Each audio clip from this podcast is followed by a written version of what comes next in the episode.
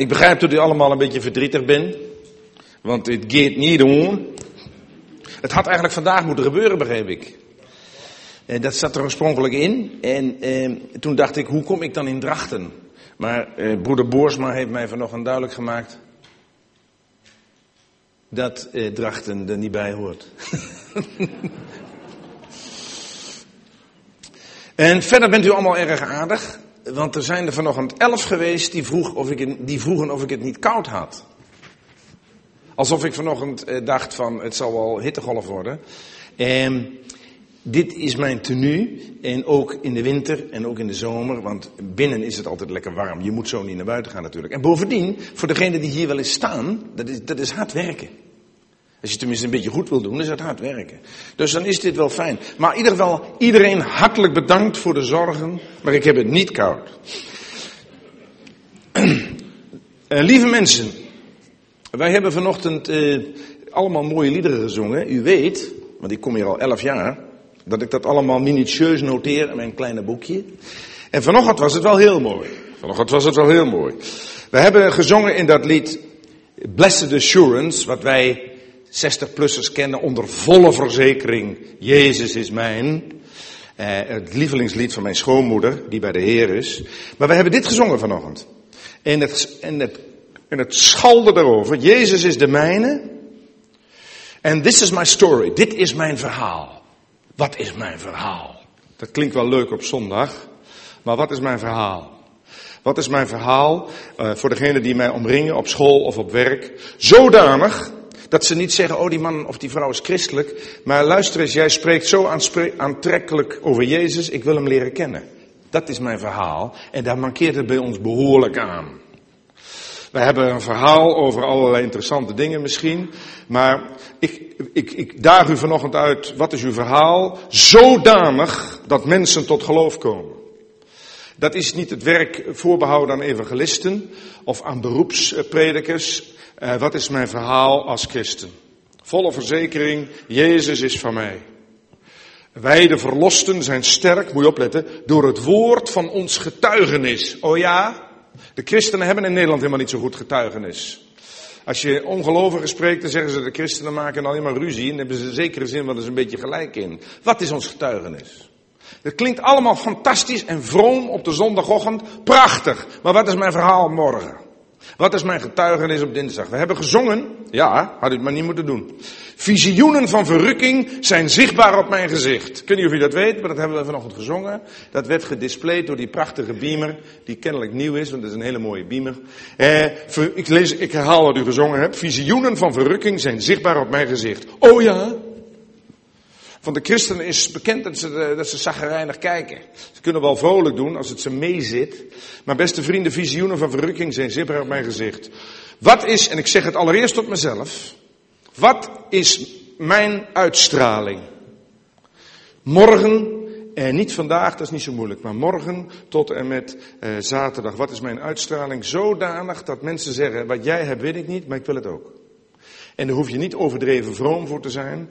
Dat is onze, dat is onze, ja, dat is feitelijk onze bediening. Broeder Harm heeft dat terecht gezegd. Uh, in, uit 2 Korinther 2. Onze opdracht is de kennis van Jezus Christus te verspreiden. En niet met mooie boekjes en met interessante politieke uitspraken, maar de geur van Christus verspreiden. Dat, dat, dat staat niet alleen in 2 Korinther 2 en geldt niet alleen voor Corinthiërs, dat geldt ook voor vandaag en morgen. De geur, de kennis van Jezus Christus verspreiden.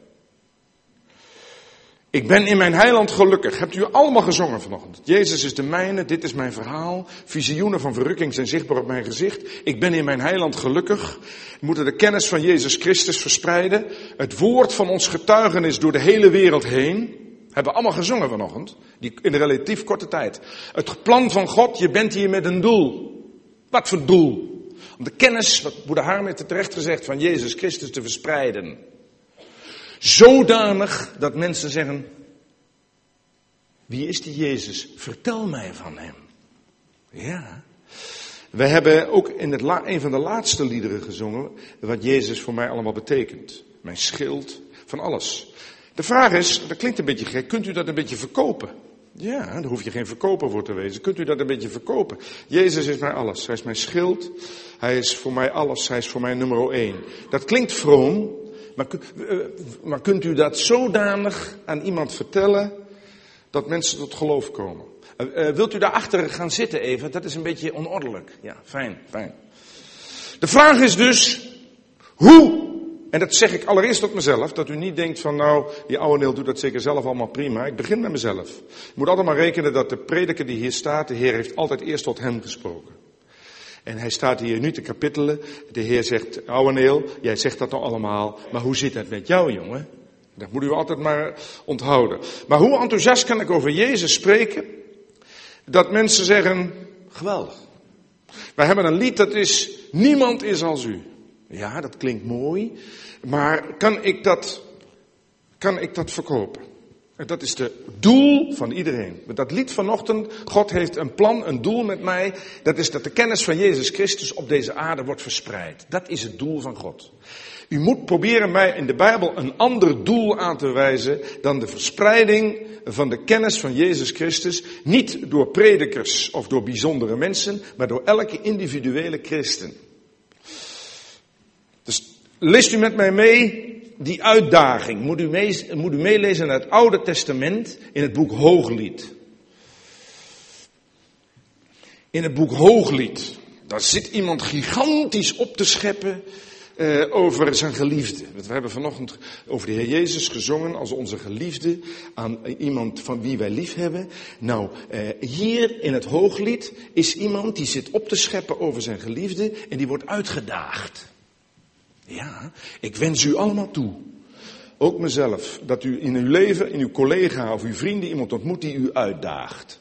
En die vraagt wat er staat in Hooglied 5 vers 9. En ik lees uit de NBG vertaling. Hooglied 5 vers 9. Ik wens het u toe en mezelf ook. Daar staat, wat heeft uw geliefde voor boven een ander? Wat heeft Jezus in jouw leven voor boven je vrouw en kinderen, boven je kleinkinderen en boven allegenen die in deze wereld lief zijn? Kun jij dat aan een ongelovige vertellen? Wat Jezus betekent. En zodanig dat, dat mensen tot hem worden aangetrokken. Dat is het doel waarvoor wij hier zijn. Ik weet zeker als ik vanochtend hier vraag aan u hier in Drachten, houdt u van Jezus, eh, dat u eh, allemaal een vinger opsteekt. Dan ben ik ondeugend, want dat ben ik. Dan zeg ik, nou dan weet u zeker alles wel van hem. Dan kunt u zeker eindeloos van hem vertellen. Dat valt meestal nogal mee. Dan vallen wij wel in herhalingen. Iemand die hier op, een aarde, op aarde een ander lief heeft, kan alles over hem vertellen.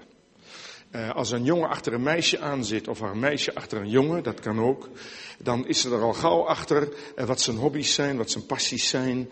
En, uh, en, en, en men, ook getrouwde stellen, ze weten alles van elkaar. Dat is niet alleen maar omdat ze samen wonen, maar omdat ze elkaar lief hebben. Ze zijn in elkaar geïnteresseerd. Als u aan mij, vraagt, vertel eens over je vrouw Ada, dan zeg ik, gaat u maar eens even rustig zitten en, en trek daar de rest van de dag maar vooruit. Want ik heb haar lief, kan alles over te vertellen. Ik heb christenen meegemaakt. Eh, die, eh, die, aan wie gevraagd werd. Ik hoorde dat aan de andere kant van de gordijn. Zeg, luister eens, jij eh, bent een christen, hè? En jij houdt van Jezus. Tenminste, dat staat op je bureau. Er staat een sticker, I love Jesus. Vertel eens van hem. Oh, wat wou ik graag dat iemand dat aan mij vroeg. Ik hoop dat u, vertel eens van hem. En toen zei die gelovige, ik zal je telefoonnummer geven van de voorganger. Die moet je eens even bellen, die kan dat geweldig. Oh beste vriend, vriendin. Deze collega die wilde het van hem horen. Hij zegt, ik geloof best dat jouw voorganger of jouw dominee daar geweldig over kan vertellen. Maar jij bent mijn collega, ik werk al twintig jaar met jou samen. Vertel jij eens over Jezus. Wauw, wat een uitdaging.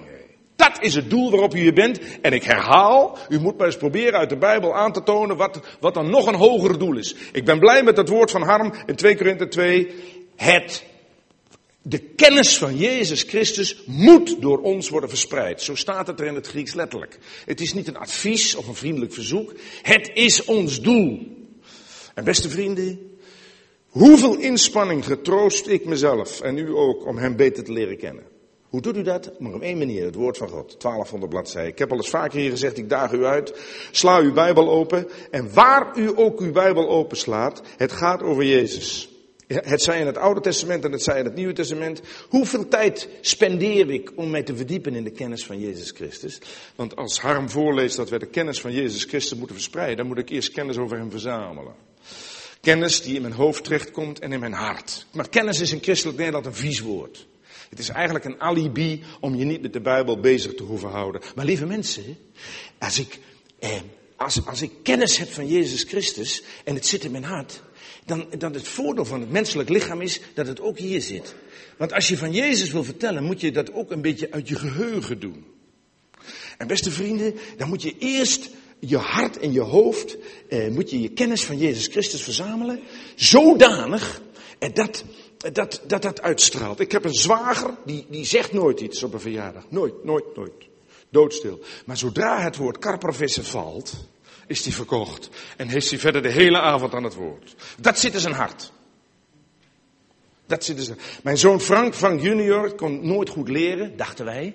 Hij kon nooit iets onthouden, wist nooit waar Horizont meer lag. En wist nooit hoe het precies zat met zussen zo. Maar begon je over voetballen, dat was eng gewoon. Twee pagina's in de krant kon, kende hij uit zijn hoofd. En met de wereldkampioenschappen, die pool tegen die pool. Op dat moment, op dit moment, op dat moment, dit moment. En zussen, zussen, zo. En dan gebeurt er dat en dat gebeurt dat en dat. Geweldig. Hoe komt dat? Dat is zijn hart. Dat was zijn passie. Oh, we hebben die uitdrukking, ik heb passie voor Jezus. Oh ja, waar blijkt het dan uit? Jezus, ik heb passie voor u. Leuk, zegt Jezus, begin maar. Het klinkt verschrikkelijk vroom. Maar waar blijkt passie uit? Heer Jezus, ik wil niks anders dan groeien in de kennis van u. En ik wil dat uitderen. Ik wil dat uitstralen. En beste vrienden, we hebben dat gelezen in het boek Hooglied. Daar wordt die, die, die, die, die, dat is een mevrouw, die, die bruid, die wordt uitgedraagd door een onbekende. En vertel eens even, bruid, wat heeft jouw geliefde nou voor boven iedere ander? Vertel het mij eens eventjes. En wat is dat boek Hooglied? Dat is een mooi boek. Dat is een, dat is een boek dat gaat over de bruid en de bruidegom. En dat boek, dat is acht hoofdstukken, regelrechte verliefdheid. De ene hoofdstuk zit de bruidegom op te scheppen over de bruid. En de andere hoofdstuk zit de bruid op te scheppen over de bruidegom. Maar dat gaat zo maar door, gaat zo maar door. En, en, en, die, en, die, en, die, en die bruid, laten we dat even zeggen, dat zijn u en ik. Dat zijn degenen die de Heer Jezus hebben aangenomen. Of je nou een, een, een heiden bent of een jood. Eh, die, in de Bijbel worden mensen heidenen genoemd die niet tot het Joodse volk behoren. Maar elk mens, uit welke staal en het stam en volk en natie hij uitkomt, die de Heer Jezus heeft aangenomen, dat is de bruid. En, en de Heer Jezus is de bruidegom en die twee zijn stapel verliefd op elkaar. Tenminste, de Heer Jezus, de bruidegom wel. De bruid u en ik, die zeggen, ja, Heer Jezus, ik vind u wel geweldig, maar nou even niet. Beste vrienden, dat is toch wel heel bijzonder. De gemeente, dat is de optelsom van alle gelovigen op deze aarde. Of ze nou uit het Joodse volk komen of niet. En die worden in de, in de Bijbel op vier manieren voorgesteld. Als een kudde schapen, als een menselijk lichaam, als het huis van God en als een bruid. En waarom wordt de gemeente vergeleken met een bruid, dus Joden en heidenen?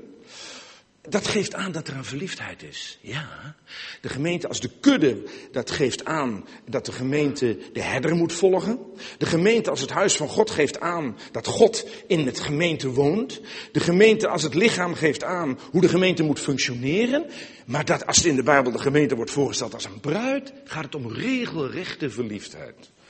De bruidegom, de Heer Jezus, hij wordt een en andermaal zo genoemd, die is daarboven. De Heer Jezus zegt over zichzelf in Johannes 3, die de bruid heeft, is de bruidegom. Dat is hij. En in openbaring 21 staat, kom hier, ik zal u tonen, de bruid van het lam. Mooi hè? Nou, die bruid, laten we nog maar even zeggen, dat ben u en ik, die wordt hier uitgedaagd door iemand.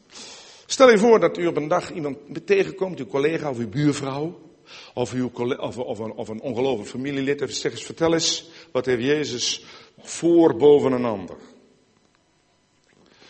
Nou, dan komt het erop aan. Dat is een, dat is een, dat is, dan komt het erop aan. Wat je dan zegt. Dat kan iemands eeuwig geluk uitmaken. En lieve mensen, op aarde kan een bruid over de bruidegom alles vertellen.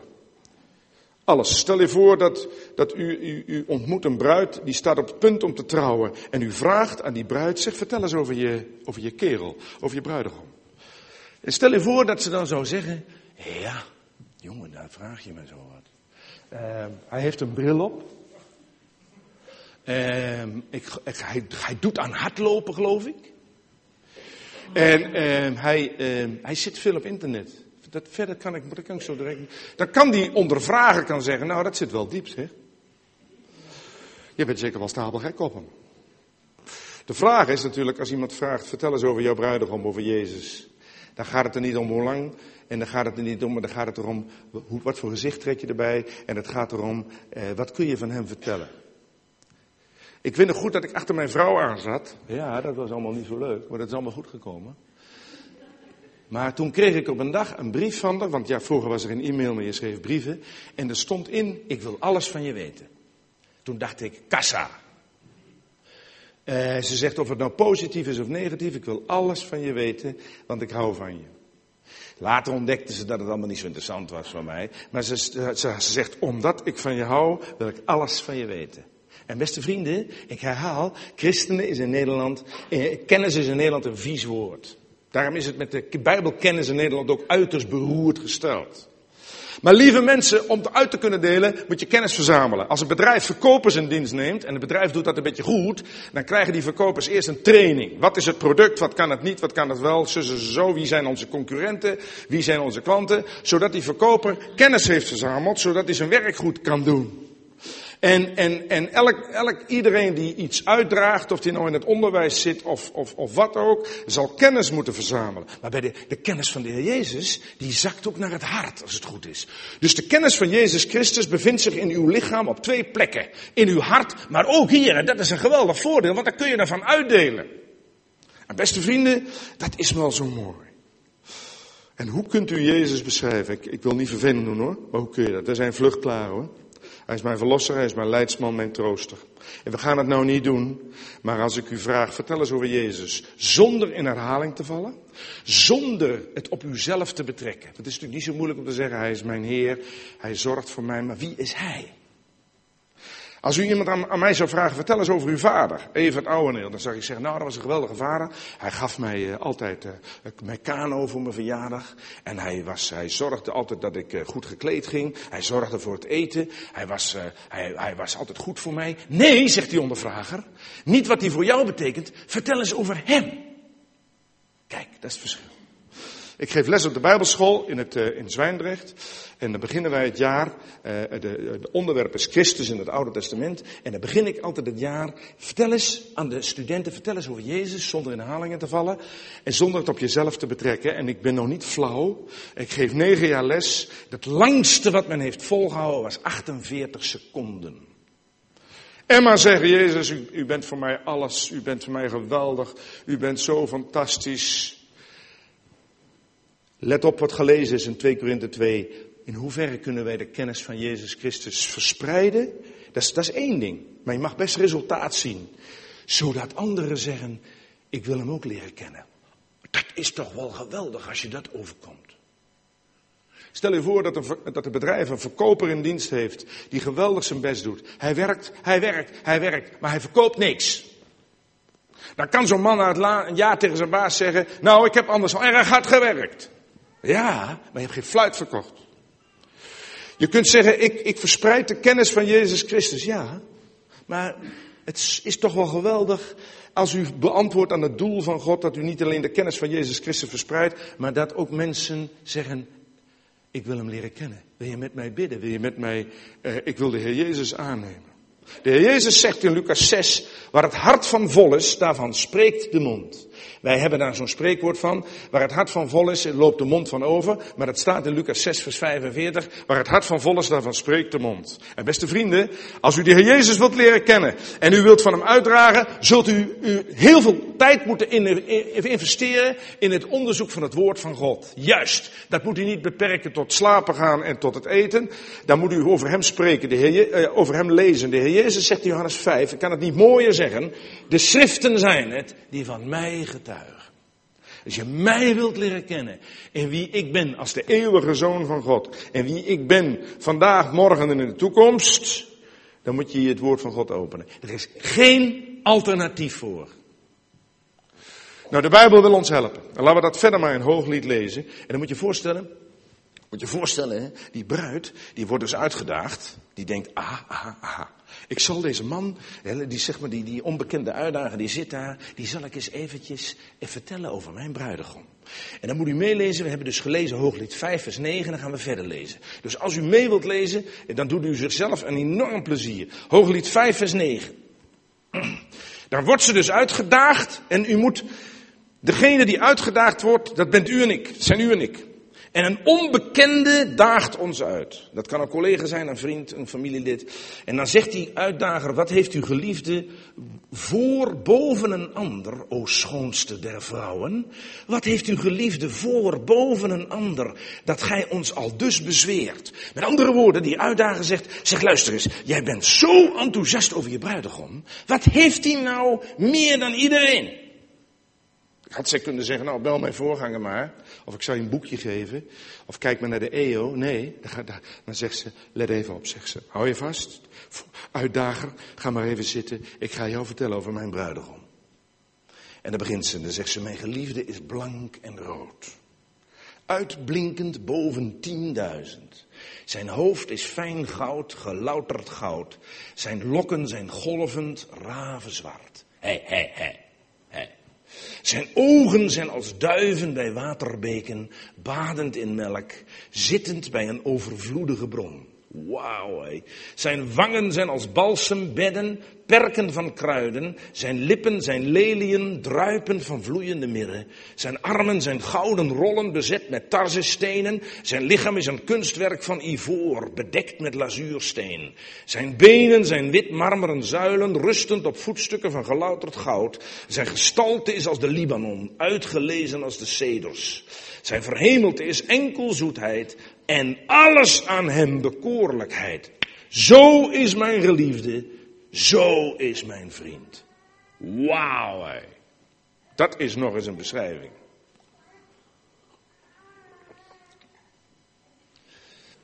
Die bruid is zo verliefd dat ze kan hem tot in detail beschrijven. En ik ben ervan overtuigd dat de, dat de uitdager eh, twee dingen denkt. Dat hij denkt, wauw. En, en, dan in de taal waarin hij eh, gewoon is om te spreken. En dat hij zegt, nou, die bruidegom van jou, die wil ik ook leren kennen. Ik ben ervan overtuigd, want als u meegelezen hebt, en ik hoor hier en daar wat gegniffel, dat moet u maar niet doen, want het is het woord van God. Deze bruid, eh, die beschrijft haar bruidegom. En die bruidegom hier, eh, die leert ons over wie Jezus is. En deze bruid was zo geïnteresseerd in de bruidegom, dat zij hem kon beschrijven. En, en, en dat deed ze goed ook. Maar wat hier staat, heeft, heeft betekenis. Lieve vrienden, eh, wij zijn vanochtend hier in Drachten op de Brouwerssingel. Wij zijn het eigendom van de Heer Jezus. Wij hebben vanochtend, en u hebt allemaal meegedaan, ik heb dat allemaal gecheckt. U hebt gezongen, Jezus is de mijne. Dit is mijn verhaal. This is my story. Juist. Visioenen van verrukking zijn zichtbaar op mijn gezicht. Wat zeggen wij als iemand vraagt, vertel eens over Jezus. Nou, dan zegt de bruid, mijn geliefde is blank en rood. Dat blank in het, in het Hebreeuws, de taal van het Oude Testament, betekent wit. Het, ze begint te vertellen, en dat mogen wij ook doen, Jezus is wit. Hij is rein en heilig. Hij was de zondeloze. Er staat in 1 Petrus 2 dat hij geen zonde gedaan heeft. Dat, dat is een kenmerk van Jezus. Dan gaat het niet meer om mij, maar wie is hij? Dan zegt ze, mijn geliefde is blank en rood. Dat rood spreekt van het bloed wat de Heer Jezus voor u en mij heeft gestort. Dat had hij niet hoeven doen. Hij heeft uit vrije wil zichzelf overgegeven. En door zijn bloed zijn wij verzoend met God. Kijk, dan ga je spreken over Jezus. En dan zegt ze, hij is uitblinkend boven tienduizend. Hij zegt, ze zegt, er is niemand met hem te vergelijken. Hij is werkelijk onvergelijkbaar. Wij zingen dat lied, niemand is als u. Ja, maar kun je dat ook verkopen door de week? Op je werk en op school en waar ook. Niemand is als hij. Hij is uitblinkend boven tienduizend. Ja, straks zullen we in de hemel om de Heer Jezus staan en dan staat er in openbaring 5, rondom de troon waren tienduizenden die het lam aanbaden. Beste vrienden, deze bruid zegt, hij is met niemand te vergelijken, hij blinkt uit boven tienduizenden. En dan gaat ze verder met zijn hoofd. Ja, daar staat er in vers 11a, zijn hoofd is fijn goud, gelouterd goud. Goud spreekt in de Bijbel altijd van de heerlijkheid van de Heer Jezus. De heerlijkheid van God. We hebben daarvan gezongen. In Haggai 2 zegt God, aan mij komt het goud toe. Toen de Heer Jezus hier op aarde wandelde, bezat hij de heerlijkheid van God. Zo liep hij ogenschijnlijk als een vernederd en verworpen mens, maar hij bezat de heerlijkheid van God. De Jezus kon zeggen, wie mij gezien heeft, heeft de Vader gezien. Er staat in 1 Korinthe 11, het hoofd van Christus is God. Hij heeft daar nooit gebruik van gemaakt. Hij heeft zich laten vernederen. Hij heeft zich laten beledigen. Hij heeft zich laten uitschelden voor hoerenkind en voor veel vraat en wijnzuiper. Maar zijn hoofd, daar zegt het hoofd van Christus is God.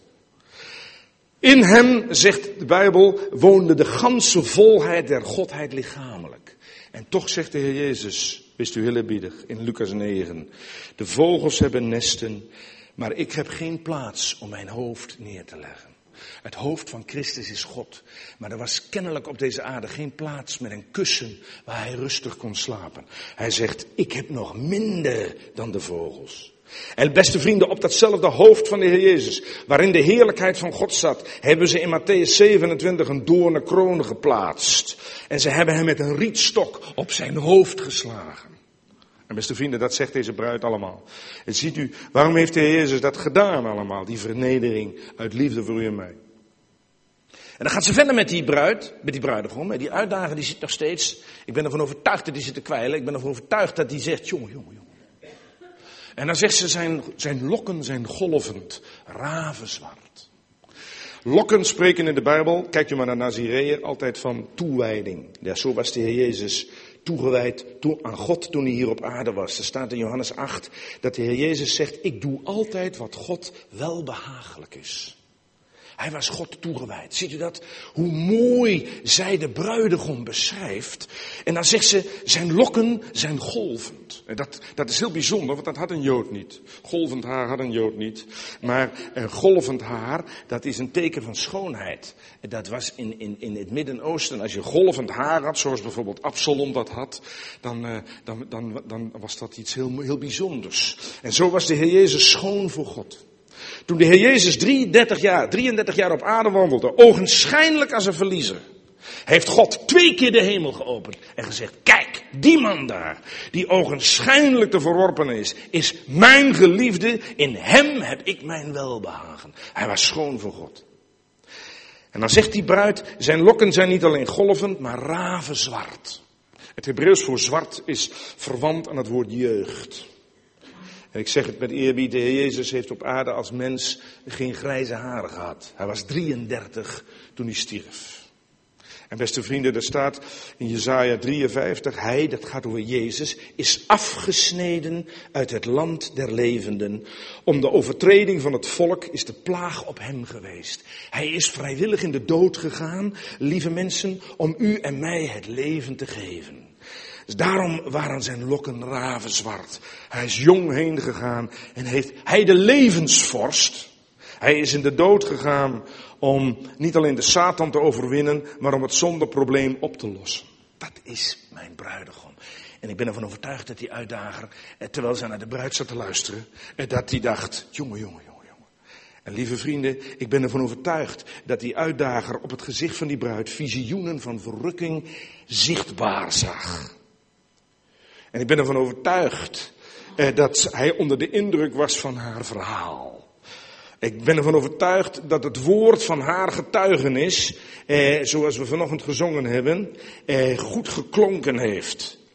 En dat zij sterk was door het woord van haar getuigenis. En dan gaat ze verder. Dan zegt ze vers 12. Zijn ogen zijn als duiven bij waterbeken. Goed, goed mooi omschreven. Badend in melk, zittend bij een overvloedige bron. En lieve mensen, we kunnen daar niet te lang bij stilstaan, maar altijd als het in de Bijbel gaat over de ogen van de Heer Jezus, waren ze altijd gericht op mensen. Dat is mooi, hè? Ook op God, dat Johannes 17, daar staat Jezus hief zijn ogen op en sprak tot de Vader. Maar ook waren die ogen gericht op mensen. Er staat in Matthäus 14, Jezus zag de mensen en hij werd met ontferming over hen bewogen en genas hun zieken. Dat is een mooie bemoediging voor 12 februari. De ogen van de bruidegom, Jezus, zijn op ons, op u gericht. Wauw. En dan gaat ze verder. Ze zegt zijn ogen zijn als duiven bij waterbeken, barend in melk, zittend bij een overvloedige bron. Ja, het, contact met de bruidegom, het contact met Jezus is overvloed. Jezus zegt Johannes 10, ik ben gekomen opdat ze leven hebben en overvloed. Kijk. Waar halen wij al deze dingen vandaan? Niet uit onze fantasie of uit een, een of ander interessant wetenschappelijk tijdschrift. Dit is alles wat het woord van God zegt over onze bruidegom, Jezus Christus. En lieve vrienden, hier ziet u een bemoediging. De ogen van Jezus zijn op u gericht, op ons gericht. En hij wil dat wij leven hebben in overvloed. En ik denk dat die uitdager al begint te denken, jongen, jongen, jongen. Het wordt hoog tijd dat ik eens kennis maak met die bruidegom. Maar dan gaat ze verder. Ze zegt, nee, nee, nee, nee, blijf je nou maar even zitten. Oh, maar nee, even zitten. Vers 13. Ik ben nog niet klaar namelijk. Zijn wangen zijn als balsembedden, perken van kruiden. Wauw, hé. Zijn lippen zijn leliën druipen van vloeiende mirre. Altijd als er in de Bijbel gesproken wordt over de wangen van de bruidegom, gaat het over zijn lijden. Er staat in Jesaja 60, daar spreekt de Heer Jezus, mijn wangen heb ik gegeven aan wie mij de baard uittrokken.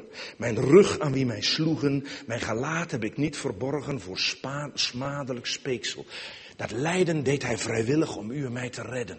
Er staat in 1 Petrus 2, Jezus die als hij gescholden werd niet terugschold en als hij leed niet dreigde.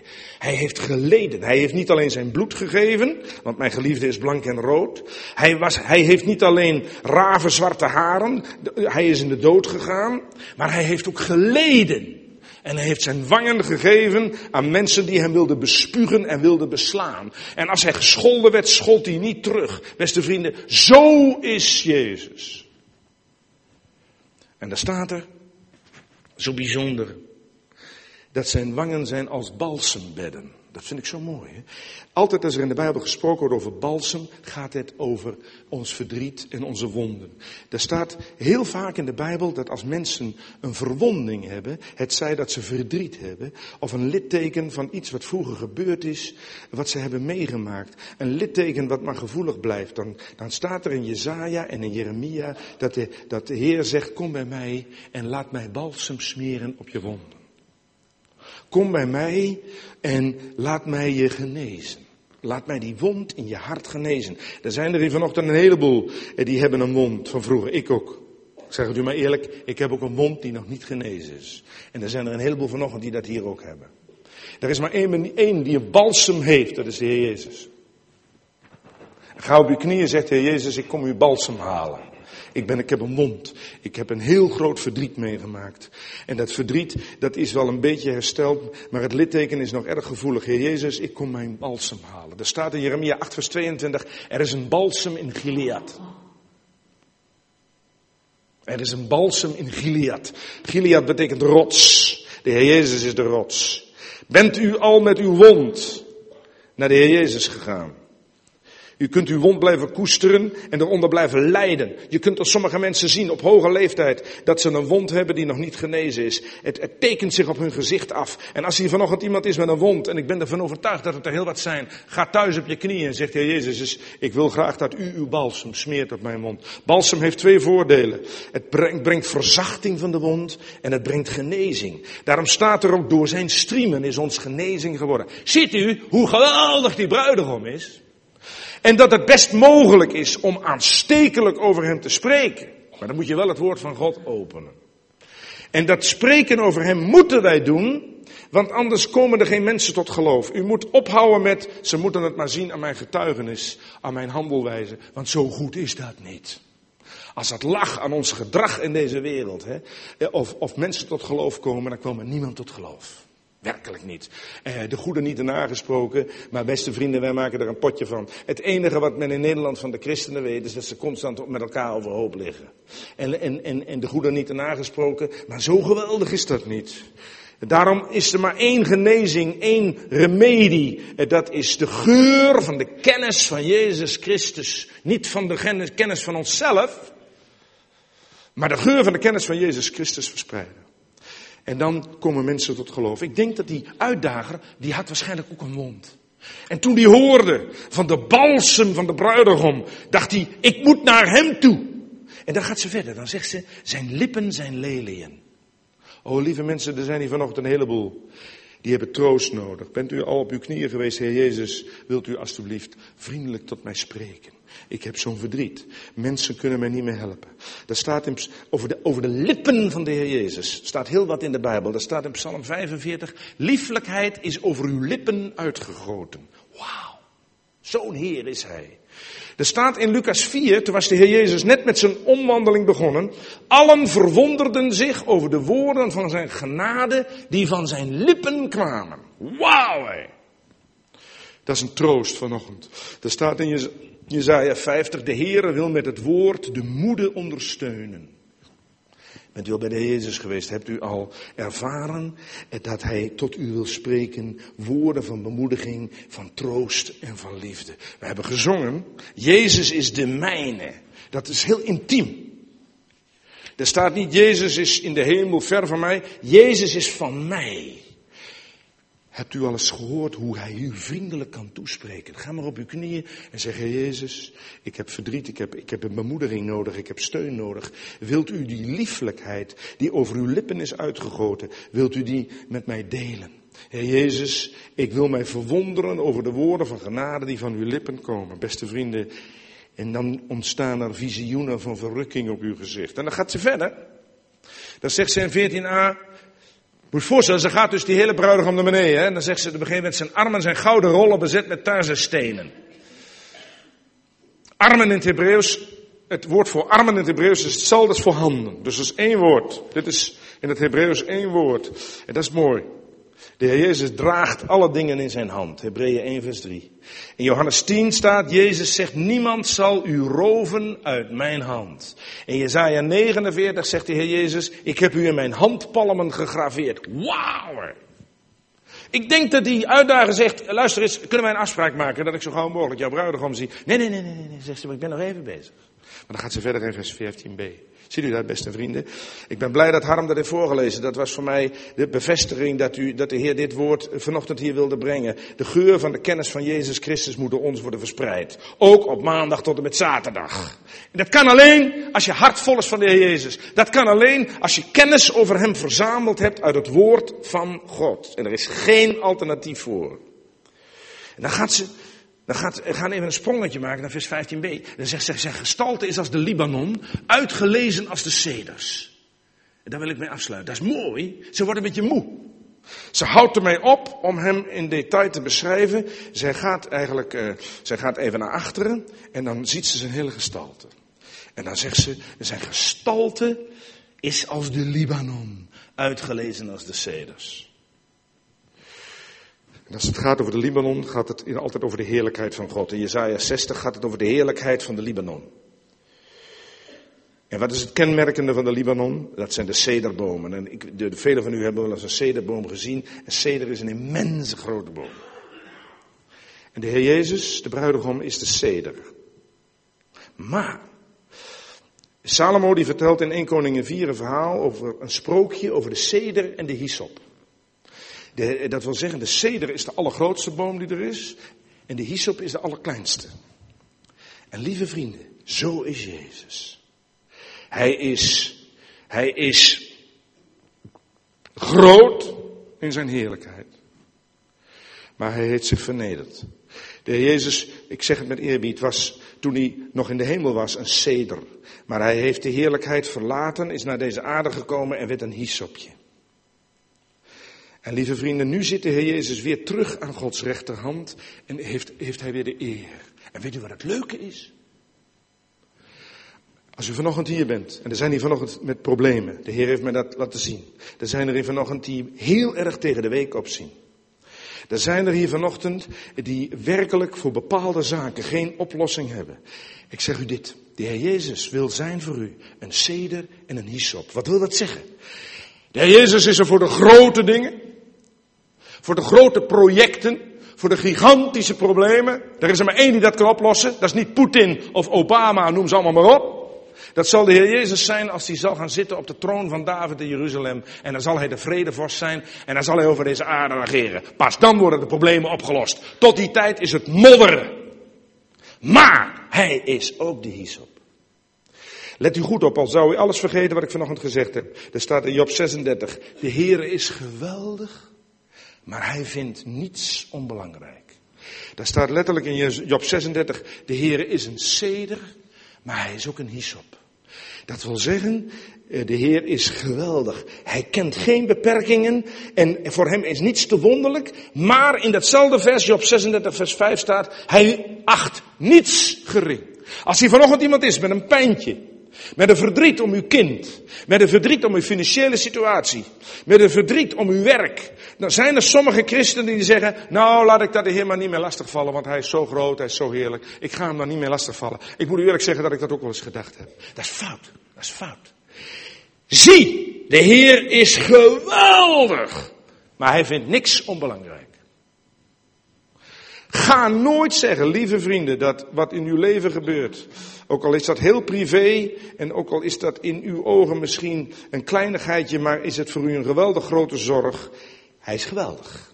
Dat weten we. Dat wil zeggen, je moet bij hem wezen, want bij hem zijn de oplossingen. Maar de Heer vindt niks onbelangrijk.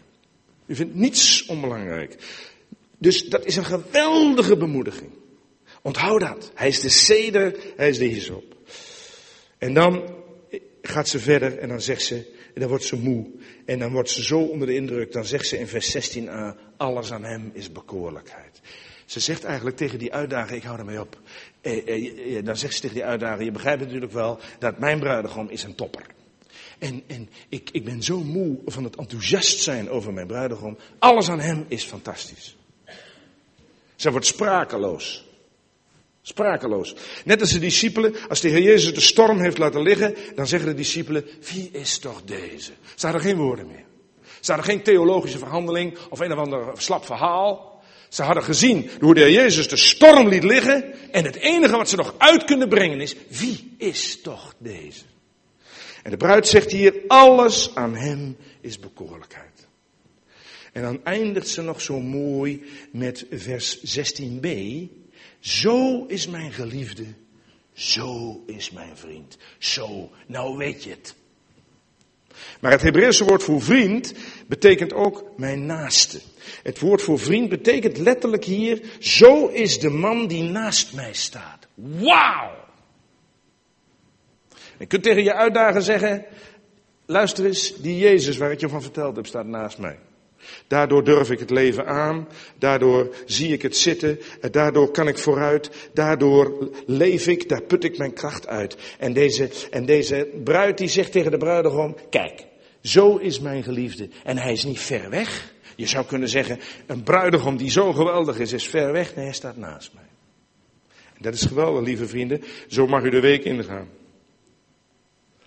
Zo mag u de week ingaan met de Heer Jezus die naast u staat. Er staat in Romeinen 8, vers 31. Hoe zal hij, er staat in Romeinen, hoe zal God die voor ons is, wie zal tegen ons zijn? Dat betrek ik even op, op de Zoon van God, op de Heer Jezus. Daar staat letterlijk in Romeinen 8 vers 31 niet als God voor ons is, maar daar staat letterlijk als God naast mij staat. Ik heb ook nooit begrepen waarom dat niet zo vertaald is. Als God naast mij staat, wie kan dan tegen mij zijn? Als de Heer Jezus naast mij staat, wie kan dan tegen zijn? Vroeger op school, weet ik dat was ik een hele vervelende jongen. Dat kunt u zich makkelijk voorstellen. Maar eh, toen kwam, soms deed ik vervelend en dan kwam de hele klas op mij af. En dan kwam mijn broer Hans was een bier van een vent en die ging gewoon naast me staan, was voldoende. Dus de, dus de klas die wilde mij eh, te pakken nemen, maar mijn broer stond gewoon naast mij, er gebeurde niks. Dus die hele klas stond, een man of twintig stond, die wilde van alles, maar zolang hij daar stond. En om mij te plagen liep hij wel eens naar achteren en dan kwamen ze, naarmate hij naar achteren liep, kwamen zij naderbij. En dan kwam hij op het laatste moment, ging hij weer naast me staan, was voldoende. Zo staat de Heer naast u. Hij is geweldig, maar hij vindt niets onbelangrijk en hij staat naast u. Beste vrienden, ik ben ervan overtuigd dat deze uitdager, het, toen zij uit was gepraat, heeft gezegd, alsjeblieft geef mij zijn adres, ik wil hem leren kennen. Zou er niet iets mooiers zijn, lieve vrienden? En dat is het doel. Dat is het doel. We hebben ervan gezongen. We hebben heel wat uitdagende liederen vanochtend gezongen. Dat is het doel van God. Dat de kennis van Jezus Christus door ons wordt verspreid. Opdat mensen tot geloof mogen komen.